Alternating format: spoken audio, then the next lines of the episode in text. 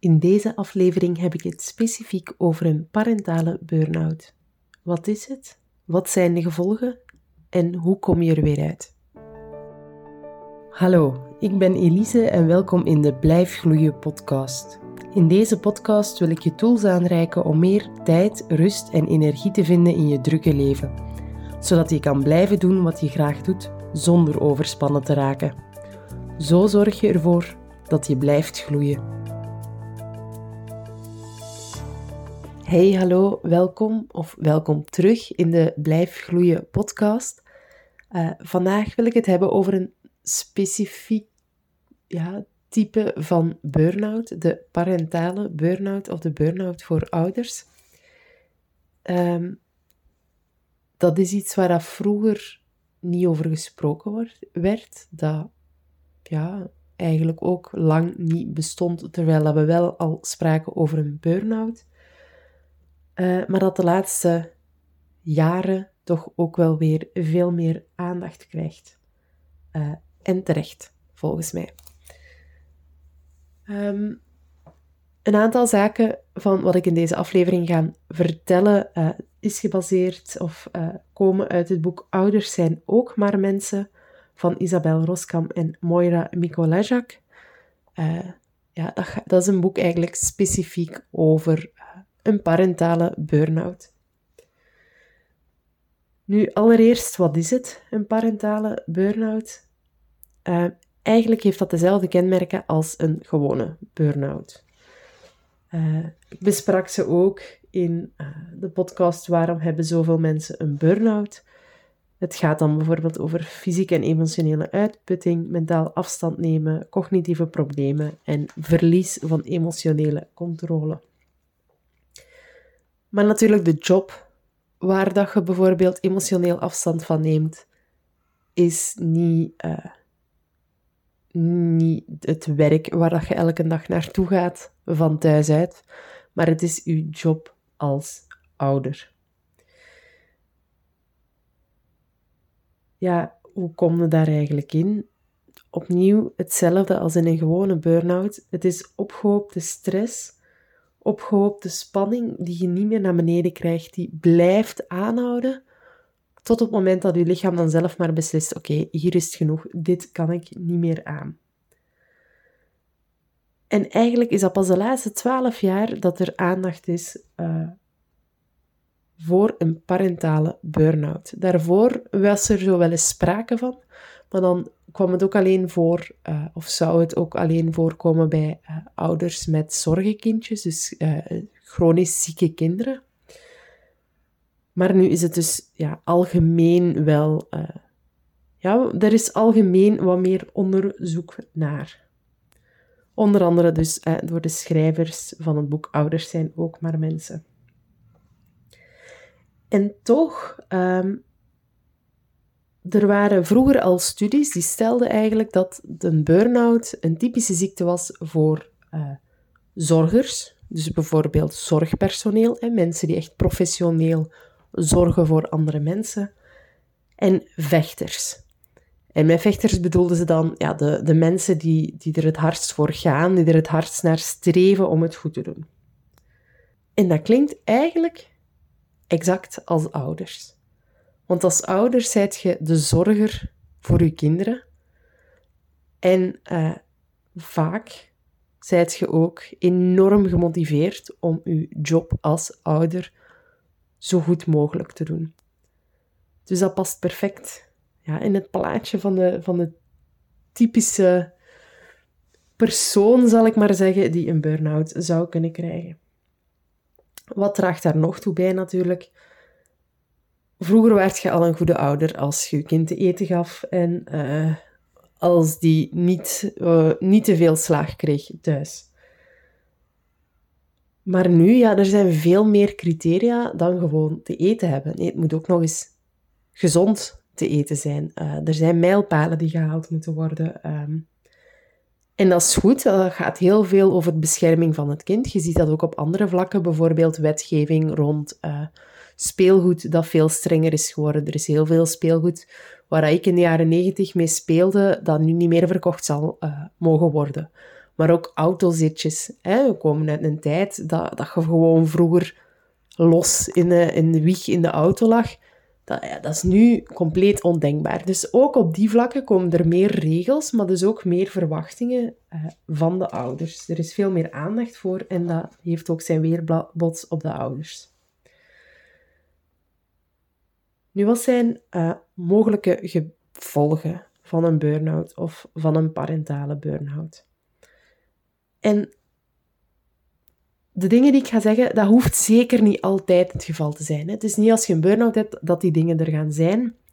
Maar ik wil ze wel even melden, of ik wil deze dingen even melden, omdat het voor mij ook aantoont hoe belangrijk het is om op tijd hulp te gaan zoeken als je voelt dat je het niet meer trekt, dat je het niet meer aan kunt.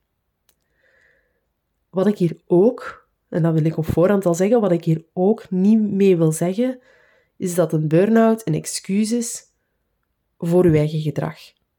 Je bent nog altijd verantwoordelijk voor uw eigen gedrag, ook al heb je uh, een burn-out. Nu, sowieso, uh, die uitputting die je voelt, dat gaat leiden tot prikkelbaarheid. Je gaat kortaf zijn, uh, je gaat al wat snibbig zijn. Je vindt het niet altijd zo leuk als er tegen je gepraat wordt. Dus dat is sowieso al iets wat er wel bij zou kunnen kijken. Maar door die uitputtingen, het emotioneel afstand nemen, wat dus zeker ook wel kenmerken zijn van die burn-out, is er ook een, een toenemende uh, ja, uh, risico, zal ik maar zeggen, op verwaarlozing en geweld. En bij geweld gaat het dan vooral over het verbaal geweld. Nu, die verwaarlozing, dat is vooral je bent uitgeput, je kunt het echt niet meer aan. Je kunt het niet meer opbrengen om s ochtends je kinderen eh, een propere pamper aan te doen, hun kleren aan te doen, eten op tafel te zetten, s'avonds dan nog eens opnieuw te doen, je kinderen in bad te steken, klaar te maken, naar school te brengen. Je kunt het gewoon niet meer opbrengen en dus die basistaken, die basisbehoeften, die worden niet vervuld. En dan is er natuurlijk nog hè, het geweld. Dat vond ik... Uh, ja, zelf toch ook wel opmerkelijk. Maar dat is ook je proberen staande te houden met je laatste beetje energie. Je kunt niet meer en toch moet je daar nog steeds staan. Voor ouders die dat absoluut niet kunnen begrijpen, die absoluut zeggen van, oh nee, ik zou dat nooit doen, probeert u dit even in te denken. Je staat ochtends op, uh, je gaat naar je werk, zoals elke dag. Het is een lange dag op het werk, het is een vervelende dag op het werk. Je komt thuis, uh, je huishouden moet nog gedaan worden, je afwasmachine moet ingeladen worden, moet nog uitgeladen worden, het eten moet gemaakt worden, je kinderen moeten in bed gestoken worden, je kinderen moeten in bad gestoken worden en zo verder. Uiteindelijk uh, zit je een dag erop en je gaat slapen, maar uw baby denkt er anders over en die wordt elk uur wakker. Dus je hebt elk uur gezien. Hè? Want je baby die wordt wakker, begint te krijsen. Een kwartier lang is hij aan het krijsen. Dan krijg je eindelijk terug stil. Het duurt minstens een kwartier voordat jij terug in slaap valt. Daarna zijn jij weer een half uur wakker. Je kunt een half uur slapen en het begint weer van vooraf aan. Dus je hebt gewoon niet geslapen. Je staat ochtends op. De koffie uh, is op. Er moet eten op tafel komen. Er moeten boterhammetjes gesmeerd worden voor op school je probeert alles klaar te maken. Uh, je kind zit al de hele tijd mama, mama, mama, mama te roepen aan je oor. En jij bent je aan het klaarmaken uh, voor opnieuw een drukke werkdag, want jij moet nog evenzeer gaan werken. Als je op zo'n punt zit en er gebeurt iets wat dat je niet oké vindt, bijvoorbeeld je, kind, hè, je, je zit aan je laatste seconde en dan moet je echt wel vertrekken voordat je te laat bent.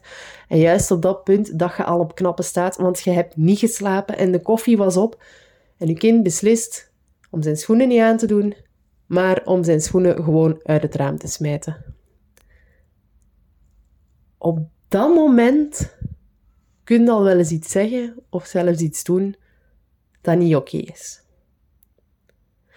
En opnieuw, dat is geen excuus. Die dingen zouden niet mogen gebeuren.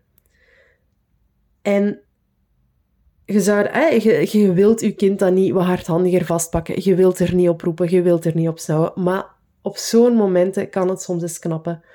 En kan dat gebeuren. Dat is geen excuus, maar het is wel begrijpelijk.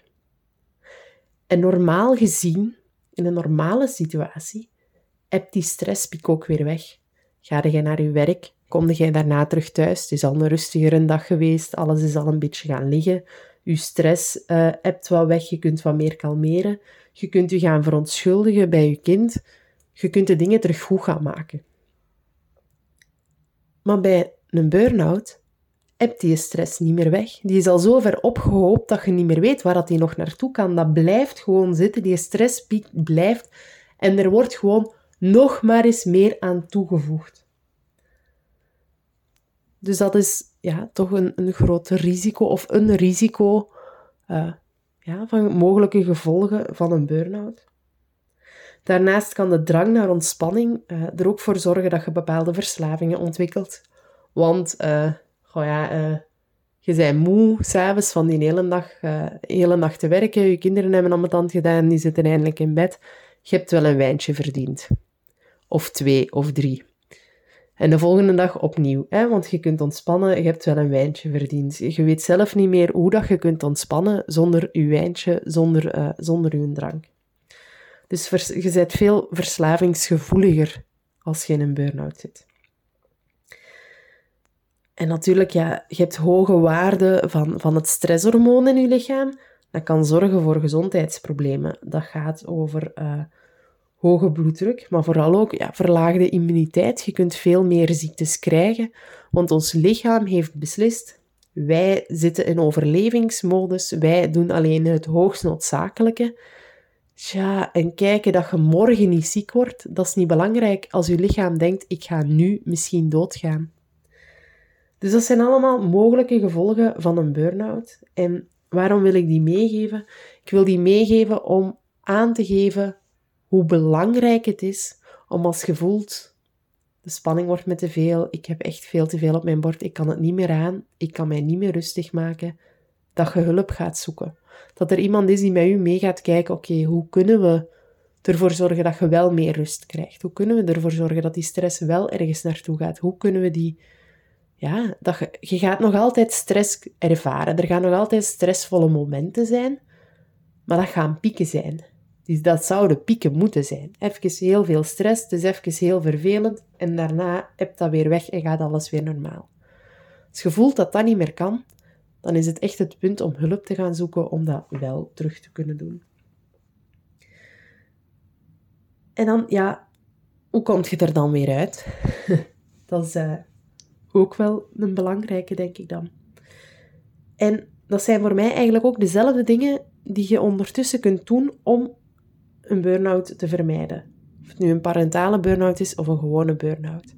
Maar het gaat nog steeds over parentale burn-out, omdat die dingen, als je uh, een burn-out hebt die werkgerelateerd is, dan kun je naar een dokter gaan en die dokter schrijft u een briefje voor de komende maand of twee weken of wat dat je dan ook nodig hebt om tot rust te komen en daarna zie je wel weer als je kinderen hebt, kun je niet zomaar zeggen: nu neem ik even vier weken verlof en uh, zal u in de kost, trekt u een plan hier. Dus ik wil wel specifiek gaan kijken van, ja, wat kun je in zo'n situatie dan doen? En wat dat daar eigenlijk belangrijk is, is dat je, dat je terug balans brengt in je draagkracht en je draaglast. En wat dat juist is, dat leg ik ook verder uit in de podcast Heb je te veel op je bord? Dus hoe zou je je draagkracht kunnen verhogen?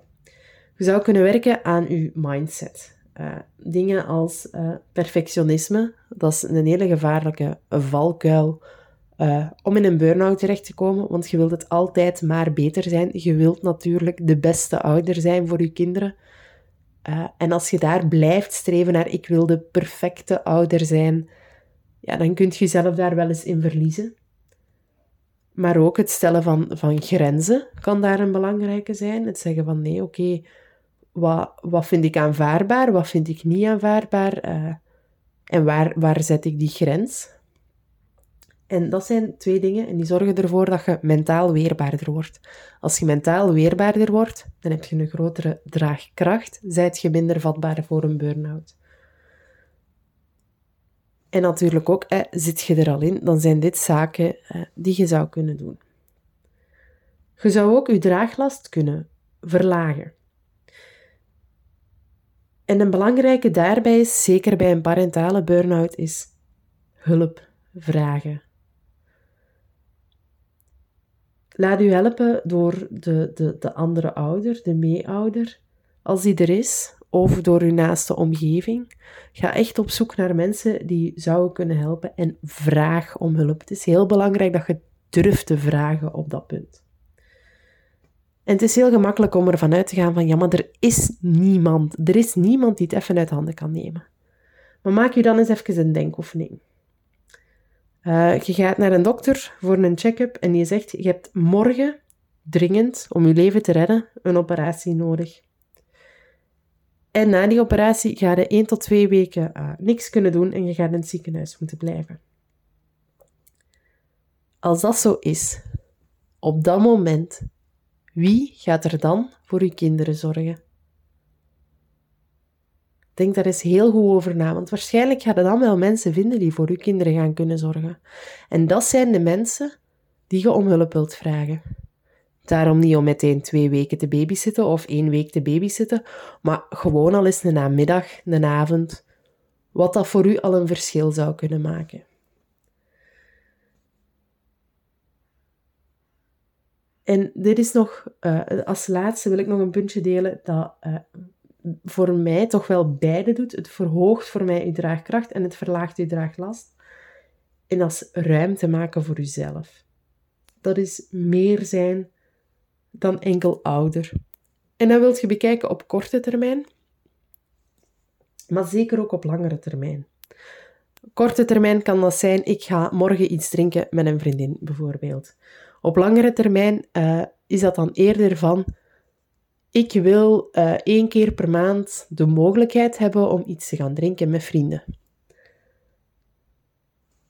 Dus je wilt eigenlijk je leven zo inrichten dat je net zoveel ruimte hebt als dat je nodig hebt. Omdat je dan de mogelijkheid hebt om bij te laden, om die draagkracht terug ja, te vergroten, om jezelf wat op te laden. En tegelijk, het verlaagt ook je draaglast, want door die ruimte te maken voor jezelf, gaat je ook heel even minder de last hebben van anderen. En hoeveel ruimte dat dan moet zijn, dat hangt volledig van jezelf af. Voor sommige mensen zal dat zijn één keer per jaar of zelfs twee keer per jaar een week alleen op vakantie kunnen gaan. Voor andere mensen kan het al voldoende zijn om gewoon eens een keer een uurtje rustig een koffie te gaan drinken. Dat verschilt van persoon tot persoon en zelfs van op welk moment dat je zit in je leven. Dus laat dat ook zeker niet afhangen van anderen die vinden dat jij wel zoveel ruimte moet nemen. Je moet zoveel ruimte nemen als dat jij nodig hebt. Zo, dat was al uh, behoorlijk wat info, denk ik.